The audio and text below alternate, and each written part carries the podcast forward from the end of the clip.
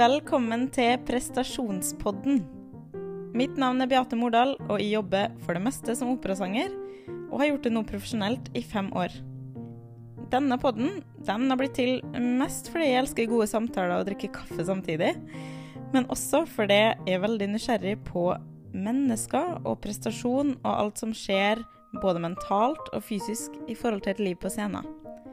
Jeg har med en ny gjest fra bransjen hver gang, og håper å inspirere til litt mer åpenhet rundt et tema som kan være vanskelig å snakke om. Da er vi klar for dagens episode. God fornøyelse.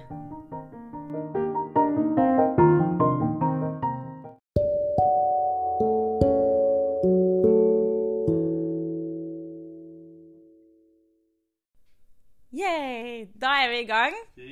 Da, eh, velkommen til prestasjonspodden. Dagens gjest er da Yngve Søberg. Hei.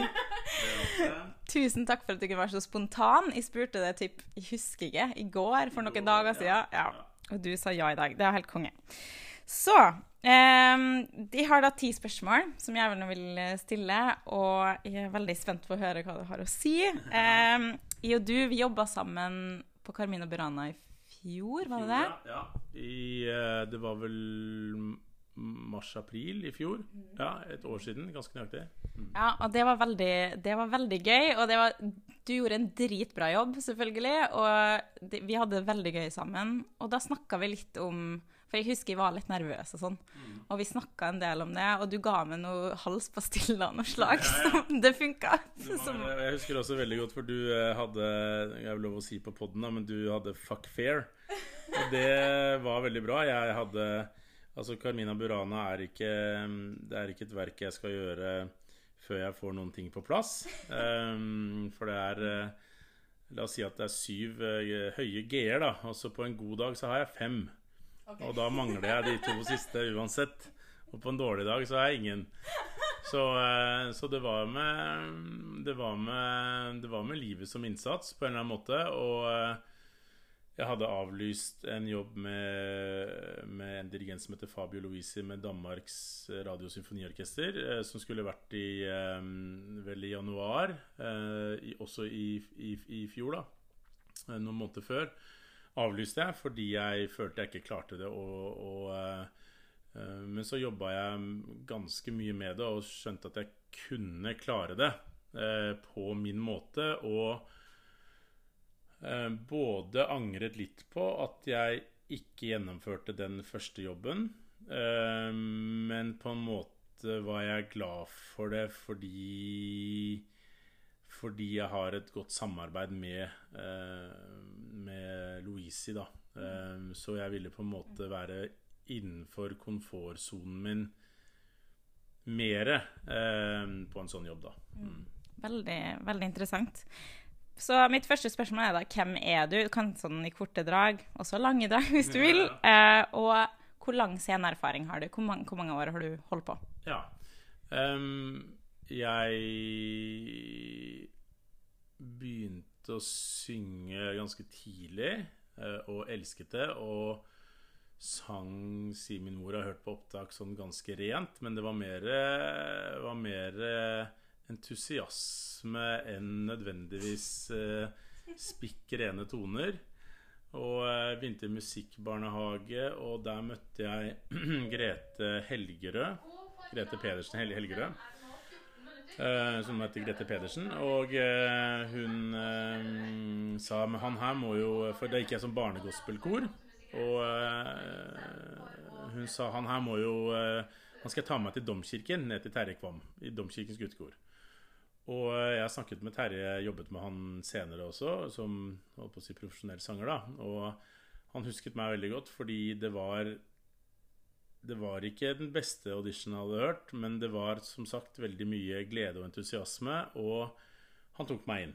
Um, da jeg var liten, så hadde jeg sånn Siden vi snakker om stemme, så hadde jeg sånn eh, et eh, krakk på to-tre toner som jeg ikke hadde. Uh, i eh, i overgang fra bryststemme til eh, falsett, tror jeg. Eh, og de hadde jeg ikke, så jeg sang ingen soloer. Um, for jeg ble bedre til å synge. da synge, Sang rent og hadde en OK barnestemme, men ingen soloer. Og fikk, som kompensasjon så fikk jeg lov å lese teksten på julaften. Eh, det var liksom my moment to shine da i det guttekoret.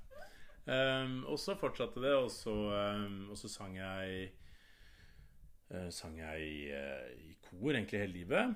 Uh, og så Da jeg var yngre, så hang jeg veldig mye sammen med Johannes Weiser, som nå alle kjenner, i sangmiljøet og utenfor sangmiljøet også, for så vidt. I Norge og i Europa.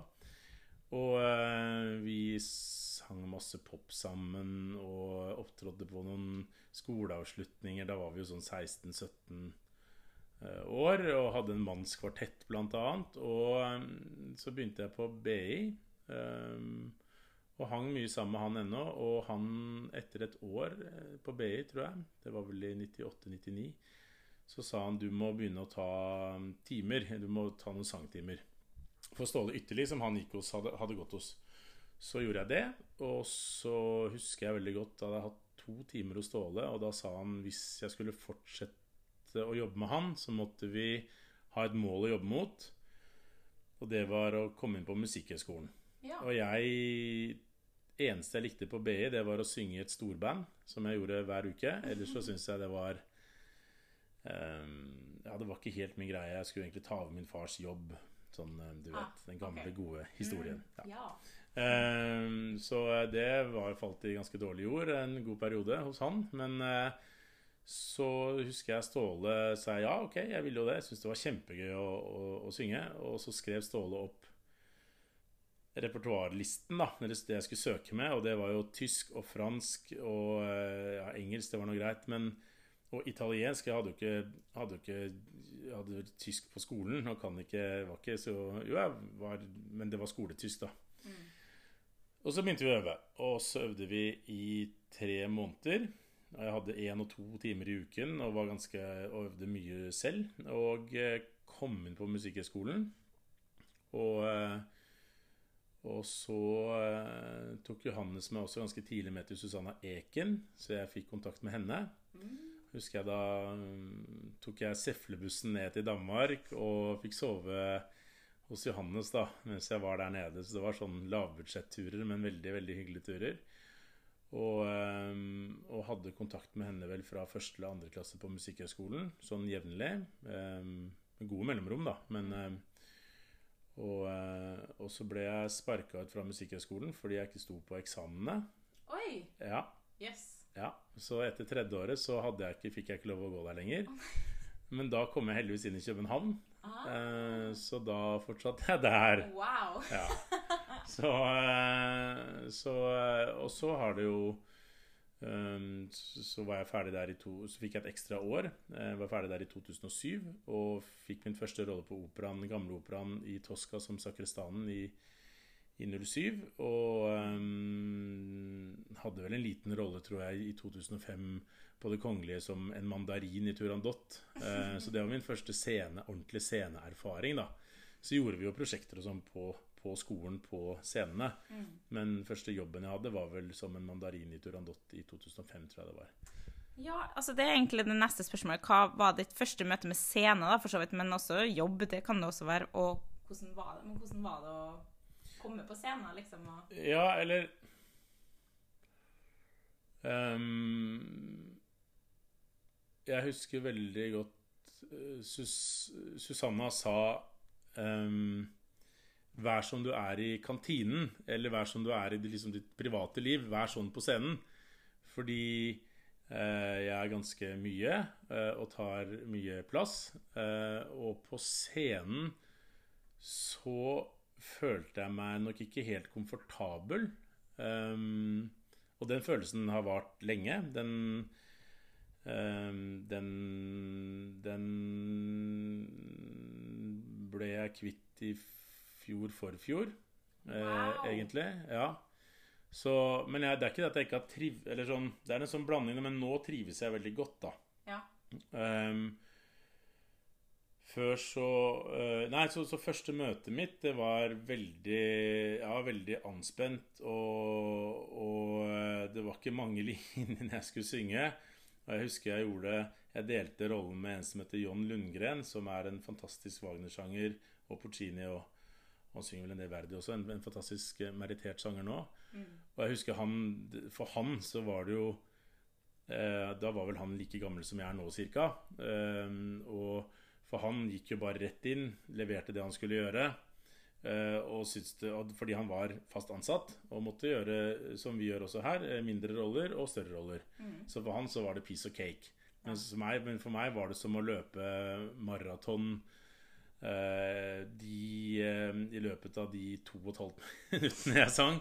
Det var helt Jeg var så Jeg var så anspent. Og jeg husker jeg det var det Jeg hadde snakket litt med agentur som het Tivoli Agenturer, og han kom og hørte meg, han sa det her er jo ikke bra. Så jeg nei, det kan godt være. Jeg hadde ikke så mye å si til det. Så Eh, men så inngikk vi et sånn løst samarbeid. da, Veldig veldig løst samarbeid. Um, men, eh, men det var mitt første møte for så vidt med scenen, og, og, um, og eh, jeg likte det jo på veldig mange måter, men jeg følte meg ikke Jeg følte ikke at det var på en måte min plass, da. Nei. Nei. Det er veldig interessant du sier det, faktisk. Det er veldig nyheter for meg, i hvert fall. Men eh, ja, virkelig. Og, og, og det er noe man ikke liksom tenker når vi står her og ser på folk som er på se operascenen og, og veldig, ja, noen av de største operascenene rundt omkring i verden, så tenker man ikke at det har begynt sånn. sant? Nei, nei, det varte sånn kjempelenge. Så uh, um, Men det er, jo, det, er jo, det, er jo, det er jo nyansert, ikke sant? Det var ikke at jeg gikk med livet som innsats eh, fra 2007 til 2000 og 2018 eh, overhodet. Og man vokser med de rollene man får. Jeg husker veldig, veldig godt jeg gjorde eh, Figaro i, i 2010. Det var den eh, første store hovedrollen min her på huset. Og jeg hadde gjort La Bohème. Eh, det var vel i 2009, tror jeg. Ute på Oscarsborg. Um, men det var jo, jeg tror det også var fordi at hele tiden så jobber man med Jeg var, jeg var jo Det er ikke riktig å si jeg var yngst, for jeg sang, sang jo sammen med både eh, Mari Eriksmoen og Ina Kringlebotn ute på Oscarsborg. De var yngre enn meg, men de var bare litt kulere. De hadde litt annen approach til det, så jeg følte meg liksom sånn en unge eh, lovende på et eller annet tidspunkt, da. Eh, sangeren, men som ikke helt klarte å, å levere. Ehm, og så fikk man større oppgaver på litt større scener. Altså Norsk Opera var jo, øh, var jo um, Mekka, og for så vidt mitt mål å, få lov å synge på operaen her i Norge. Når jeg fikk lov å gjøre det, så var jeg også um, Det var ikke for tidlig, men, men var, det, det, var, eh, det var en eh, veldig hard og, og tung prøveperiode for Figaro, husker jeg veldig godt. Det var Det var eh, Møtte en krevende regissør eh, som egentlig er helt fantastisk, eh, men som Som For det var det jeg, jeg, visste, jeg, jeg visste veldig godt hva jeg ville gjøre. Og, og på prøver innimellom så klarte jeg det. Og så var det mm, Og når man skulle gjenta det, så, så klarte jeg det ikke. For det var sånn spontant i øyeblikket hvor jeg klarte å, å skape noe.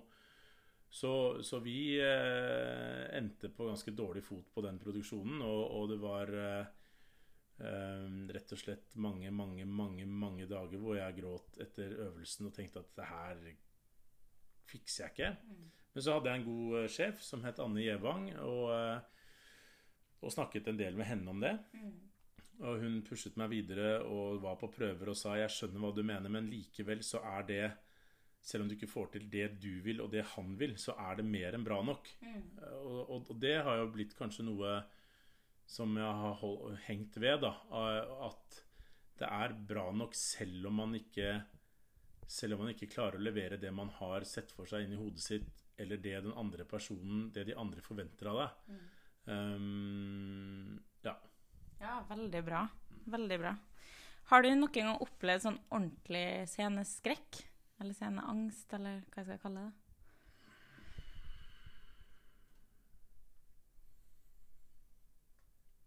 Jeg har um, Altså på auditions og sånn, så har jeg vært uh, supernervøs. Samme her. uh, ja, ja. Sånn virkelig Ja, ikke sant. Og, og vi snakket jo litt, og det har ødelagt litt for, uh, for oss innimellom, og det har det virkelig gjort for meg. Um, så da har jeg Fordi um, Fordi det For det første så var det man fikk høre da av disse litt eldre sangerne, var at det å gjøre auditions, det var det verste i verden. Um, og så er det det man hører. Ikke sant? Det, det fins ikke noe verre og noe skumlere enn å gjøre auditions. Og når det på en måte får festet seg før du har gjort auditions Det er klart, Vi gjorde jo det da vi skulle inn på skolene våre. Um, på Musikkhøgskolen var jeg ikke så nervøs, for da hadde jeg ikke noe å tape. Um, på, uh, nede i København så hadde jeg heller ikke altså Da hadde jeg ikke noe studiested i, i Oslo lenger, så jeg um, tenkte at hvis ikke jeg um, Hvis ikke dette her uh, Hvis ikke jeg får plass, da, så må jeg begynne å utdanne meg som musikkbarnehagelærer, fordi jeg hadde lyst til å bli det. Mm. Um, så jeg hadde alltid en sånn fallback. Uh, så da var det heller ikke Jo, jeg hadde veldig lyst til å gå i København. Det hadde jeg. Um, Um, men jeg var ikke så ner nervøs da heller, for det var, det var, på en måte så Det var så Det var ikke så mye som Eller jeg skjønte ikke alvoret i det, da, for å si det rett ut. Jeg skjønte ikke alvoret i det. Mm. Så da ble det mer en lek. Um, men så, når vi da skulle gjøre auditions til roller og for agenturer og sånn, da jeg husker, jeg husker, det knøt seg virkelig, virkelig, virkelig helt. Og jeg har hatt noen utrolig dårlige opplevelser Eh, på auditions eh, opp igjennom. Eh, og også noen gode, sånn mhm. parallelt. Så klart. Um, men sånn sceneskrekk har jeg vel aldri hatt. Um, jeg gjorde en rolle i Zürich for noen år siden. Det var første gangen jeg var ute på det internasjonale markedet. Og da det var en medium, liten mediumstor rolle i Lohengrin, hvor jeg gjorde Herofer, og prøvene hadde gått kjempebra. De to første forestillingene gikk veldig fint, og så plutselig så sto jeg der, og så husket jeg ikke teksten på det neste jeg skulle gjøre. Og det var et opphold på fem, seks, syv minutter, og jeg gikk rundt uh, som regien tilsa, og jeg, jeg evnet ikke å huske det. Og jeg husker på scenen så var det Så løp koret rundt da han sang. Uh, og da gikk jeg bort til uh, en av de andre. Christoph Fischesser het han. Um, og, um, og sa jeg, jeg Nå må jeg nesten gå ut og sjekke boka, uh, fordi jeg, jeg, aner ikke. Han sa liksom, ta det med ro. Um, gi, gi, beskjed til suffløren, mm. som er vår viktigste livlinje. Mm. si at hun skal mouthe deg, si ordene før du kommer inn, og så kommer det til å komme. Mm. Da jeg var Altså, jeg var Akkurat på scenen der så hadde jeg vel sceneskrekk da jeg var helt ja. Jeg, frøs helt. Så gikk jeg frem til henne før jeg skulle synge. Eh, og så så jeg på henne og, og gjorde sånn tegn med, med, hendene, veldig sånn nede. Og hun OK. Og så, og så sa hun teksten veldig tydelig, og så kom det selvfølgelig. Men akkurat de syv minuttene der det, For det var på en måte første jobben min også, og det var da jeg møtte øh, uh, Fabio Lovisi også, første gangen. Så jeg mm. ville gjøre et, selvfølgelig ville man gjøre et godt inntrykk. Det er derfor vi holder på med det vi gjør, egentlig. Det er en rar greie. Men, så klart.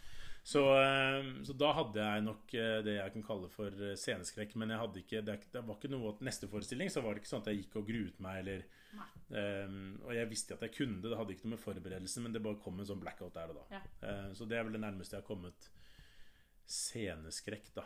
Ja, men når det gjelder sånne auditions sånn, altså, hva har du lært av det? Er det, er det liksom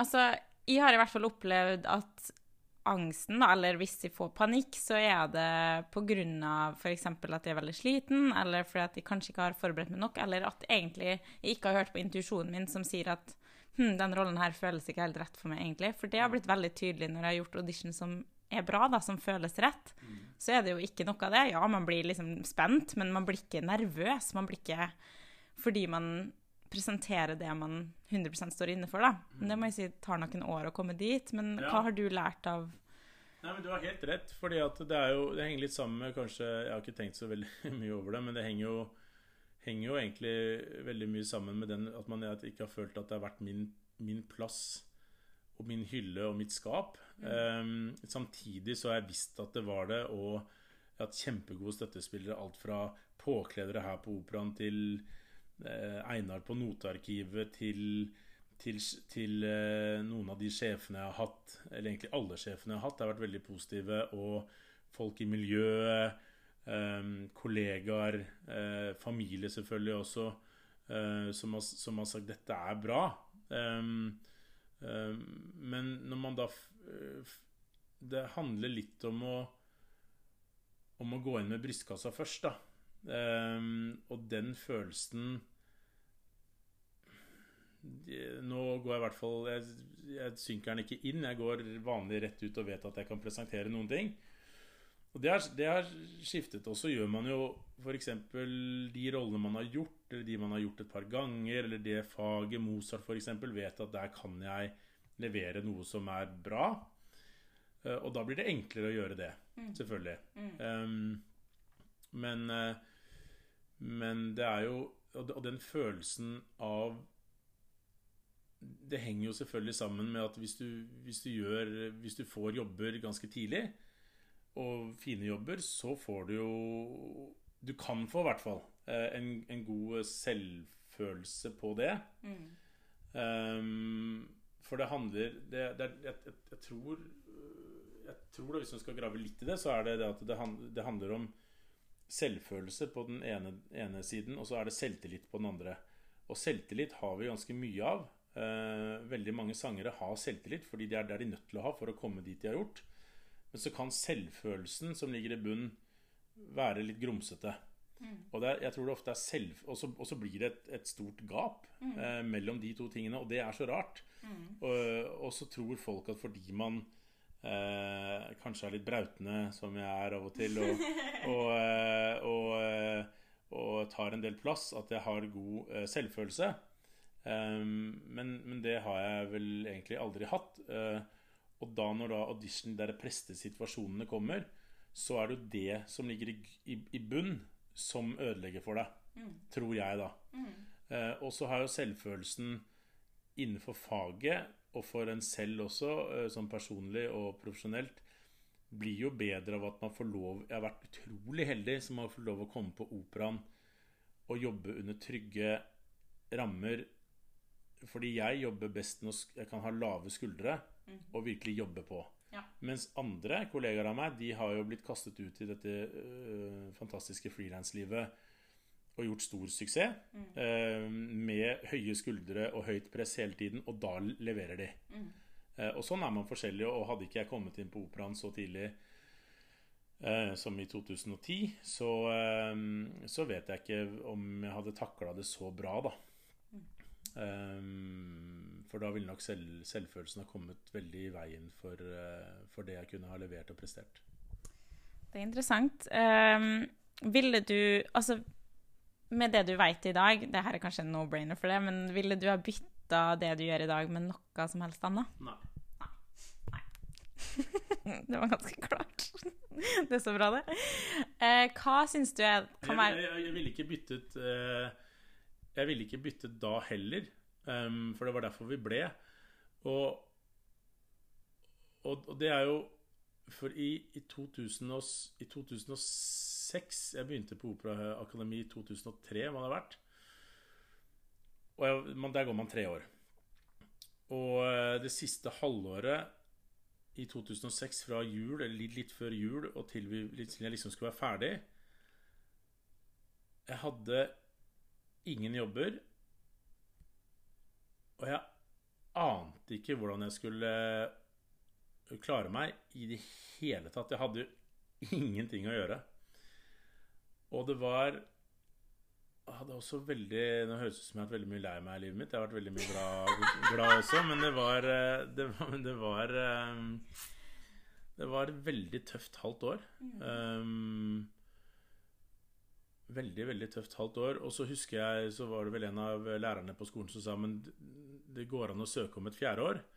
Uh, og det var redningen, da. Og, Og så søkte jeg om det, og så var jeg på en audition i, i Oslo. Så fikk jeg sakristanen i, i, på operaen her, og så fikk jeg en bitte liten rolle i, på Malmö, verdens minste rolle på Malmö-operaen. Eh, som var Billy Jack Rabbit i La Fanchola del Vest, Og han synger ugg eh, åtte ganger, og så synger han to setninger. Eh, men det spilte de, tror jeg var 15-16-17 forestillinger. Så hadde jeg jobb, og så fikk jeg noen småting her og der. Og da begynte det liksom å Da begynte det å, å ordne seg, og så fikk jeg også et nytt agentur eh, på den tiden. Eh, og de hadde veldig god kontakt med operaen her, så da fikk jeg noen småroller eh, på kontrakt. Så hadde jeg et helt år med, med jobb. Og så Og det var i 08-09-sesongen. Og så eh, kom Anne Gjevang, og så gjorde han audition, så fikk jeg Figaro. Og da var på en måte Da var den floken løs. For jeg tenkte at hvis jeg Og det høres veldig Veldig overfladisk ut, men jeg tenkte at hvis jeg For jeg visste at jeg Det er det som var så rart. Jeg visste at jeg hadde mer å gå på og mer å gi enn bare å gjøre sånne småroller. Samtidig så var Ja, ikke sant? Så, så det visste jeg. Så da sa jeg at hvis ikke jeg hvis jeg, hvis jeg bare får den typen roller i to-tre år, og ikke noe utsikt til noe mer, så begynner jeg også på den utdannelsen min, da, eh, som eh, musikkpedagog. Um, og det er kanskje en litt sånn Men det er klart at det er mange, det er mange dager i et år, Beate. Det er veldig mange dager i et år hvor du, hvor du går og og føler at ikke noe er riktig. Ja. Um, og, og det kan være det er, mange, eh, det, er, det er det som er farlig med å snakke om dette. For det er jo mange som ville vært kjempeglad for den, den, um, den eller de jobbene jeg hadde. Jeg var det, jeg også. Samtidig så var, hadde jeg en, en drive, da. Så jeg ville ikke byttet Jeg byttet ikke Jeg ga egentlig aldri Eller jeg ga ikke egentlig, men jeg ga aldri opp. eh, Verken på siste året på Operahøgskolen eller de to første årene så ga jeg aldri opp. Jeg tok timer, jeg prøvde å bli bedre til å synge. Um, for, for meg så var det det som var nøkkelen til å til å minske det gapet med høy selvtillit og lav selvfølelse, så ble jeg litt og litt bedre, og da over tid. Eh, og, så, og så var man på det på den ene auditionen i livet sitt hvor jeg gjorde det bra, og det var for operaen for Anne Gjevang, og så fikk jeg jobb. Og den auditionen gikk kjempebra. Jeg vet ikke hvorfor. Um, forberedte meg like, like bra som til alt det andre, men da har du Det er det man snakker om. Du er på rett sted til rett tid, og du får den ene muligheten, uh, og så går det bra. Og så er det det som gjør at du på en måte kommer deg videre, da. Um, uh, og det var veldig flaks at det var her Ja. eh, for meg. Det er nok en mening med det. Ja, Skjønner du. Men eh, hva syns du kan være artigst med å opptre, og hva syns du kan være kjipest? Sånn, ja. eh. Det morsomste med å opptre er Og det gjelder vel egentlig for meg litt hvilken som helst musikksjanger, for jeg liker veldig godt å synge andre sjangere enn bare opera. Men også opera. Jeg elsker det. Um, det er når du føler at du kan lage At du kan portrettere på din best mulige måte ehm, den rollen eller teksten eller sangen og musikken som du er satt til å gjøre. Det er en fantastisk følelse, og i et La oss si det hvis du gjør ti forestillinger av en rolle, så Hvis du er heldig Eller hvis jeg, da, for nå snakker jeg for meg Hvis jeg er heldig, så så skjer det Kanskje Da, da, da skjer det hver gang man gjør uh, forestilling. Men overhodet ikke hele tiden. Uh, sånn har ikke jeg det, i hvert fall. Sikkert mange som har det, men jeg har det ikke sånn. Uh, men man får noen sånne glimt innimellom og tenker åh, der satt det liksom både vokalt, skuespillermessig, med dirigenten, musikalsk, alt mulig. De øyeblikkene er helt fantastiske. Og også når man gjør konserter med pianister. Jeg jobber veldig mye sammen med Reza Agamir. Og vi har hatt noen sånne uh, divine øyeblikk når vi har øvd, når vi har hatt, gjort uh, sånne kvelder på Underwater, når vi har gjort eventjobber, når vi har gjort konserter. Så så, så kommer man inn i det. Og det, det beste jeg vet, det er, det er veien til eh, målet. Mm. Det er øvelsene. Det er øvelsen med pianist Mm. eh, fremfor alt. Jeg elsker å, å, å, ha, og har også hatt ekstremt mye nytte av Jon Lidahl, eh, som var ansatt her på Operaen. Inntil i fjor har han en permisjon, så han er fortsatt ansatt. da Men eh, de, de periodene hvor, mellom forestillinger hvor du ikke har prøver på noen andre ting, eller hvor du bare kan jobbe og jobbe og jobbe, det er det beste med musikken, syns jeg. Og det eh, resulterer ikke alltid, men ofte i gode øyeblikk når man da fremfører ting. Mm. Og det verste, da, er um, Det kjipeste, det er når du Enten når du er underforberedt, som kun er din egen skyld eh, Oh yeah. oh yeah.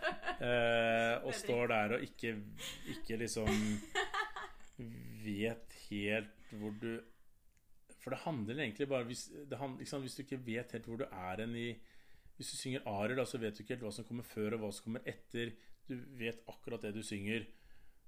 Men du, konteksten er borte. Eh, det er ganske kjipt. Og så er det også kjipt de gangene hvor du egentlig har forberedt deg veldig godt. Og så går det ikke av en eller annen grunn. Det, bare, det begynner liksom på, på midtnivå, og så går det bare nedover. Og så skjønner du at det her klarer jeg ikke å snu. Det er en, en lang opera, så er det kjedelig. Du vet at liksom førsteakten gikk sånn medioker, og så merker at det er det, det, en eller annen grunn så, så bare går det ikke. Verken sånn stemmemessig eller scenemessig eller Og da er det en lang kveld. Da er det, da er det en lang kveld på jobb. Og så, og så vet du også når applausen kommer, og du har, eksempel har en hovedrolle, så vet du at, at de tre andre før deg, hvis du er sist på scenen, så, så er det brakapplaus, og og så senker det seg når, eh, når du dasser ut på scenen. Og Det det, er er, eh, det er helt da, og- Men det vet man jo. Jeg Ja. tenker, etter første dag tenkte jeg bare at det her må man være der fordi er- jeg har ikke gjort en god jobb i dag. Det er rett og slett det det går på. Jeg har ikke gjort en god jobb i dag. Mm. Og det er brutalt. Men, eh, så det er nok det kjipeste. Jeg føler liksom det er hakket mer brutalt å ha en dårlig dag på jobb foran 1000 mennesker enn å ha en dårlig dag på jobb foran en datamaskin, hvis du skjønner hva jeg mener. Ja, Så vi er jo litt mer utsatt. Så, men selvfølgelig, de kan også gjøre kjempefeil som gir dem søvnløse netter. ja. ja. Men jeg bare føler at det er så ekstremt for nervesystemet på en eller annen Ja, men det er også fordi at vi Anders Dahlin da, sa det på en ganske god måte. Han sa 'jeg presterer'. Jeg er, nesten, jeg er ikke på jobb på samme måte. Jeg presterer. Ja. Og når du er i en prestasjonskultur, da, som, som sport er, idrett, eh, sang, men også advokater Det er ganske mange det er ganske mange, og leger ikke minst, ikke sant? Herregud. Eh, som, som er i en prestasjonskultur, så er det Så må du prestere de, de minuttene du er på. Ehm, og det er klart at det er krevende for et nervesystem. Og da er det forberedelser som ligger til grunn for at du iallfall skal kunne klare det. Helt klart. Um, og det går, men har du da hatt en dårlig prøveperiode fordi du kommer på kant med dirigent eller med regissør eh, eller kollegaer, eh, så eh, Det har ikke jeg opplevd ennå, det siste, da. Um, så ehm, så forringer jo det eh, forberedelsesperioden din. Og da blir jo resultatet også deretter. Okay. så, så det er selvfølgelig egenforberedelse. Der må man alltid gjøre det man kan. Eh, Men så kom, kommer det alle disse X-faktorene som vi ikke har eh, Som vi ikke har råderett over, da.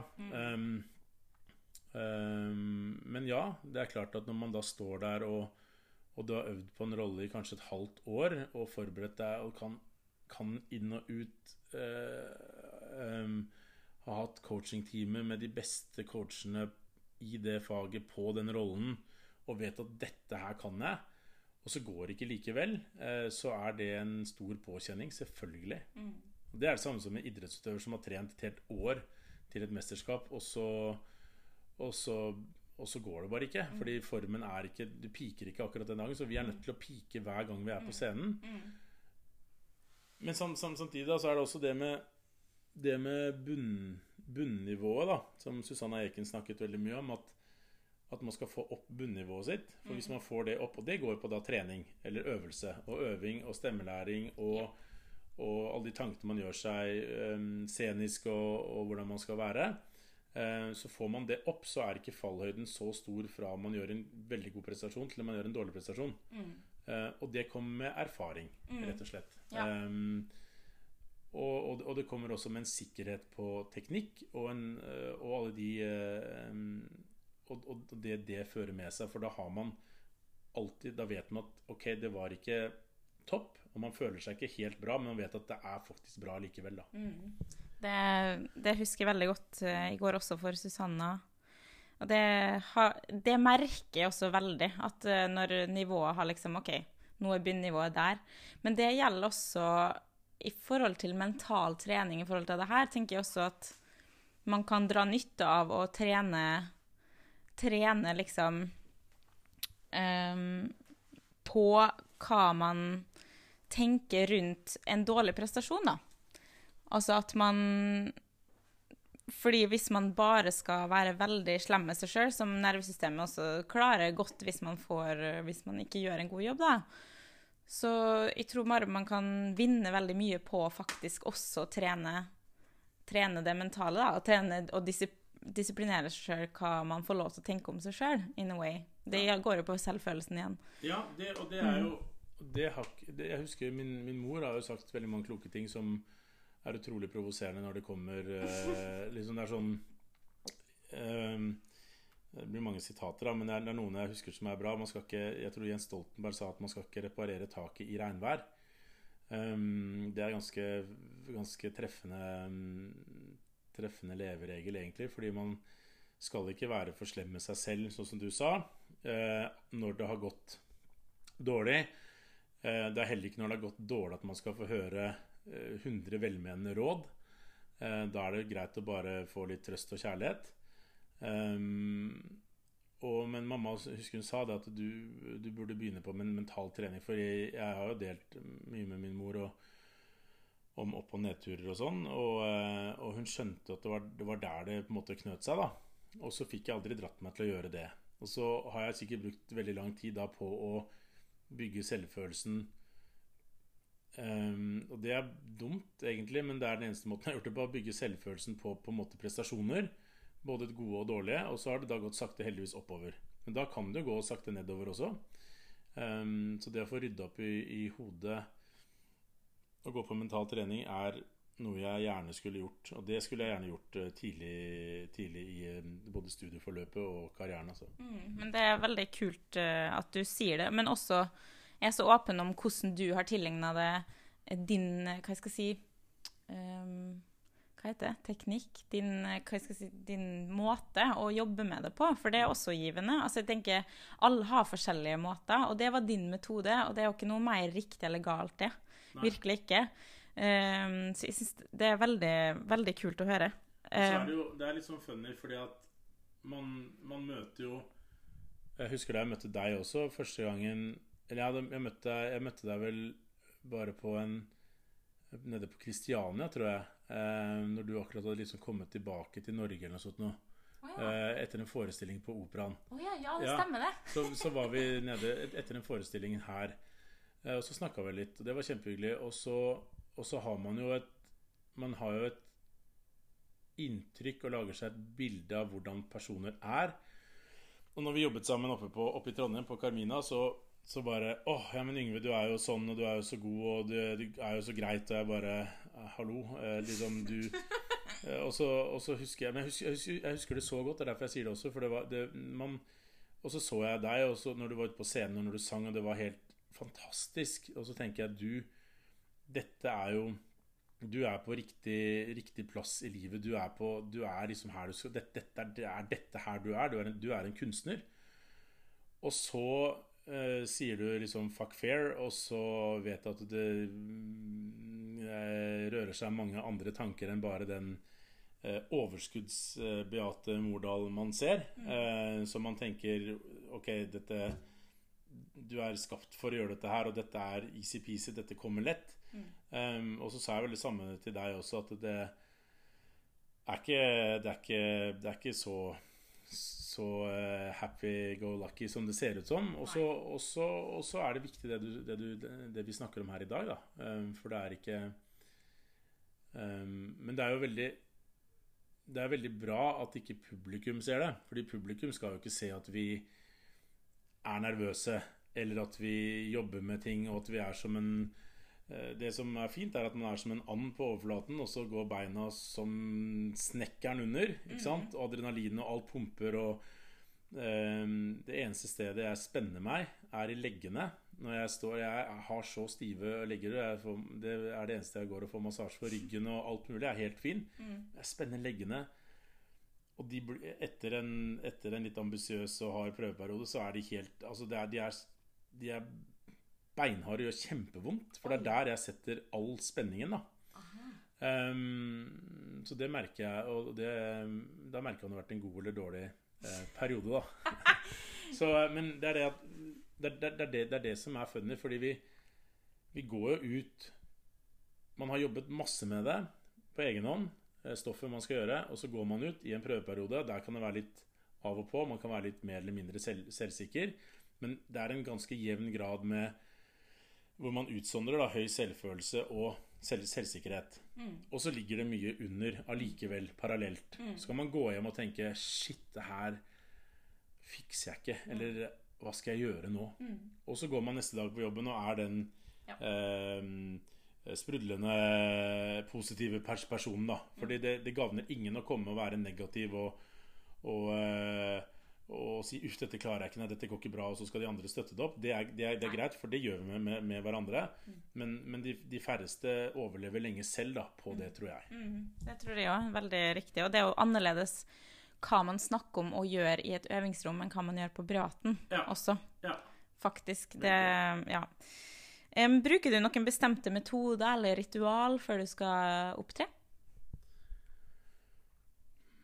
Nei Massasje, massere leggene. det var én. ja. Uh, nei, jeg gjør uh, Jeg har Der er man jo så forskjellig der også, men Men, uh, men jeg, jeg, jeg varmer Varmer opp og Altså, jeg, jeg um, Det viktigste for meg når jeg synger, det har jeg funnet ut de siste årene, er at hvis jeg får pusten i gang og som alle snakker om, flowen i gang og sånn, så er det det som Det er det det avgjørende.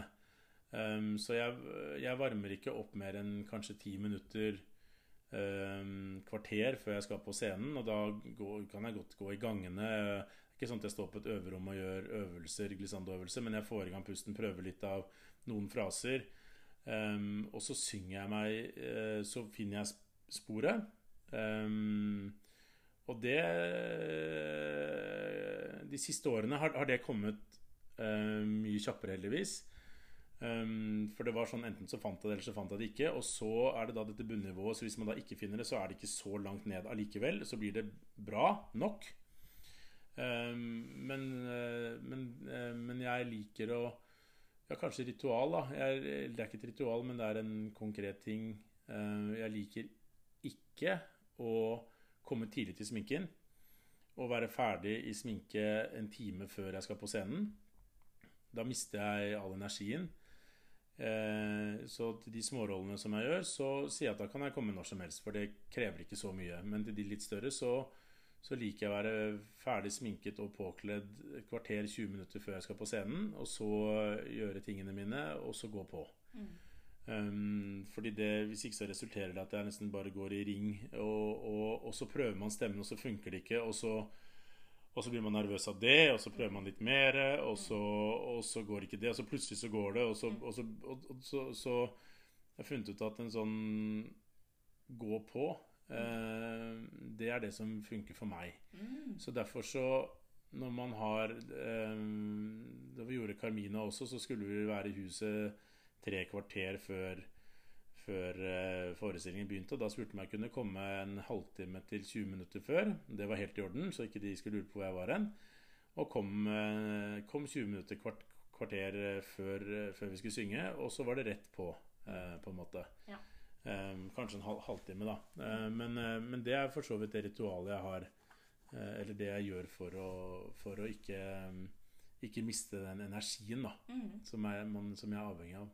Det syns jeg er veldig inspirerende å høre, egentlig. At du på en måte bare dyrker den energien som er framoverretta. For det er veldig ofte jeg merker at hvis man blir for langt bakpå, Ja. så går det også utover sangteknikken. Ja, Det er ikke så veldig bra. Nei. Du må liksom ha Du må være i den sonen. Og, Ja. og, og og, en veldig god kollega av meg, Marita Sølvberg, hun har en helt annen approach. Hun um, Tilgi meg hvis jeg sier noe feil nå, da, men i hvert fall det som er mitt inntrykk, er at hun liker å være her en stund før. Ja. Uh, og, og, og da byg, bygges, bygge den sonen. Ja. Eh, bygge seg inn i den sonen. Ja.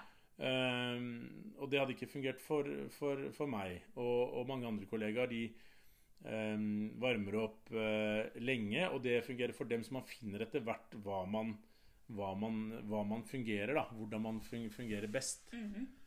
Kjempebra.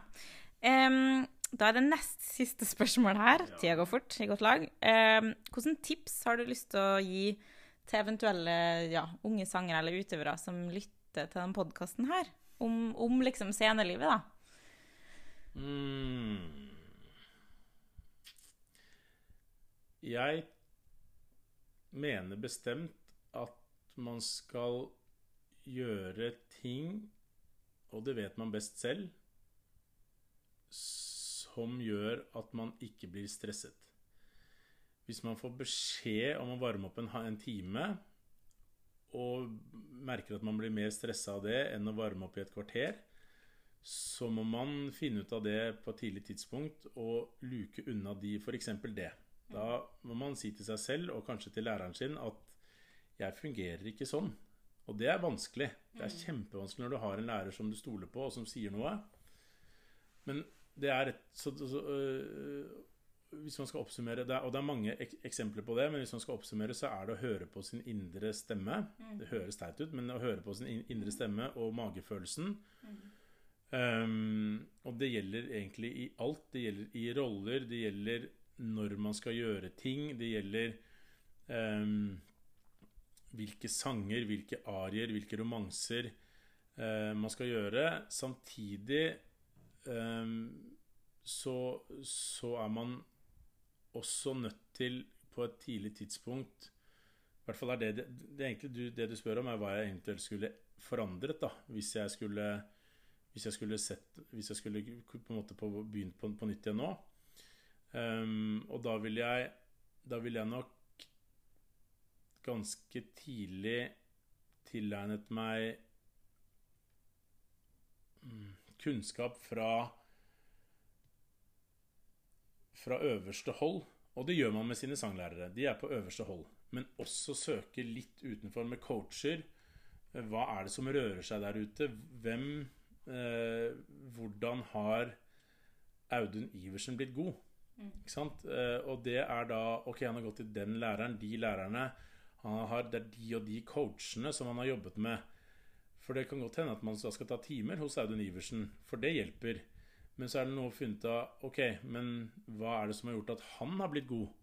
Ikke bare å dra kunnskap av, av den ene personen, men finne, finne flere nøkkelpersoner. Ja. Det tror jeg er viktig. Um, så tror jeg det er viktig det med stress. Jeg tror det er viktig å finne ut av For meg så var det veldig viktig å jeg, Altså, jeg går aldri med skjerf, eksempel. Ikke når det er minus 10-15 grader. Av prinsipp, eller bare fordi du ikke liker det? Nei, jeg liker det ikke. Nei. Og hvis jeg begynner Men det er klart at hvis jeg da tenker Oi, i dag er det kaldt, nå må jeg passe på stemmen, da tar jeg på meg et skjerf.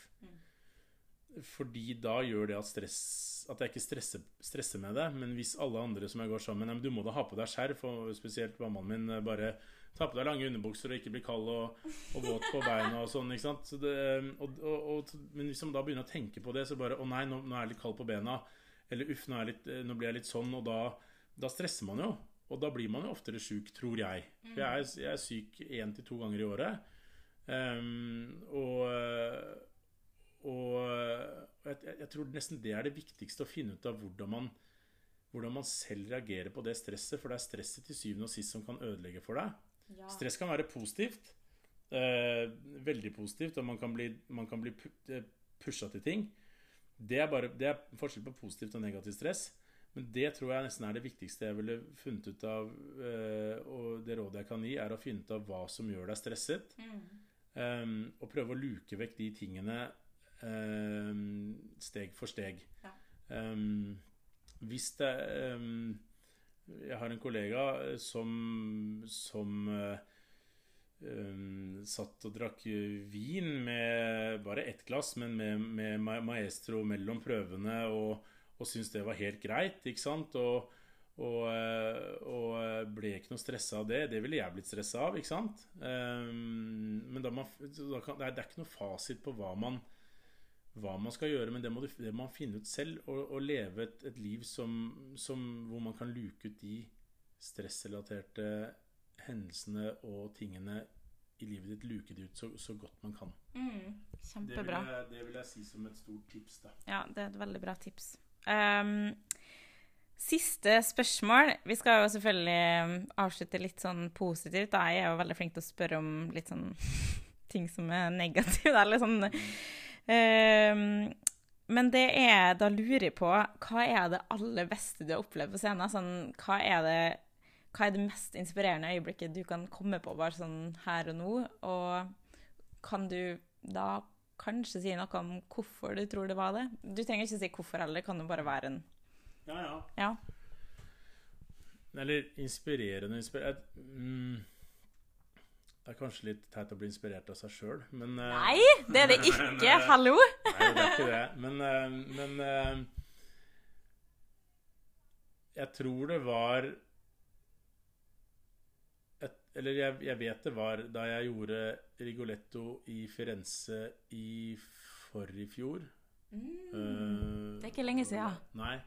Wow. Um, da hadde jeg jobbet med den rollen i et års tid. Eh, av og på, ikke hver dag et helt år, det skal jeg bare si. Men eh, vært nede i Zürich og tatt timer. Jobbet med Jon Lidahl ukentlig. Eh, hatt det på kurset hans. Eh, jobbet med Trish McCaffrey, som er min eh, vocal coach. Ehm, primært. Gjort ordentlig gode forberedelser. Vært nede på i kom første dagen i Firenze. De fortalte om hele stykket og, og konseptet på italiensk, og jeg skjønte ingenting. Um, men ble behandlet for første gang som en hovedrolleinnehaver um, hele veien. Um, og det var mange ting jeg ikke kunne gjøre. ehm, eller som jeg ikke klarte, eh, av regien. Og så la vi om på det sånn at det ble best, best mulig. Så det var en utrolig god prosess hele veien. Eh, og de pusha meg på en fantastisk måte. Uh, fordi uh, regissøren skjønte hva jeg kunne gjøre, og hva jeg burde gjøre, og hvordan vi skulle få det til. Um, og det øyeblikket Og, og så kom maestro Louise på siste uken. Vi, eh, vanlig her i Norge så er jo de på hele prøveperioden og innom og sånn. Og vi hadde to dager med musikalsk prøve. Så hadde vi én dag eh, eh, hovedprøve. Og så Hei. Og så hadde vi eh, Så hadde vi generalprøve, og så var det forestilling. Og da det da, da jeg hørte musikken De første taktene av Rigoletto, som var Som har vært en, eh, en drømmerolle for meg i mange år jeg hørte de taktene komme, og teppet gikk opp Da Ja, ja. Frysninger på armen. Gåsehud. Ja, men det husker jeg nå. Det var Det var på en måte Tenkte jeg nå, nå har jeg gjort det jeg skal gjøre. Ja. Nå har jeg gjort det jeg skal gjøre. Ja. Um, og um, og um, det er nok det største øyeblikket Øyeblikket jeg har hatt uh, i min karriere så langt. Wow. Det er veldig kult å høre, Yngve. Nå er det litt ekstra lyd her fordi vi sitter på Operaen og i garderoben, og nå er Henrik Engelsviken og besøker oss. Nei, det er, det er opptak på podkasten min. Prestasjonspodden heter den. Ja, ja, ja. Så da tenker jeg at vi sier eh, tusen takk til Yngve Søberg. Takk skal du ha, Beate. Det var utrolig gøy og inspirerende å snakke med deg. Så um, ja. Så håper dere har det bra der ute, og eh, ja, sign opp til podkasten hvis dere vil høre mer, og Gjør det. Ja. Absolutt. ja. og ha en fin dag videre. Ha det! Ha det.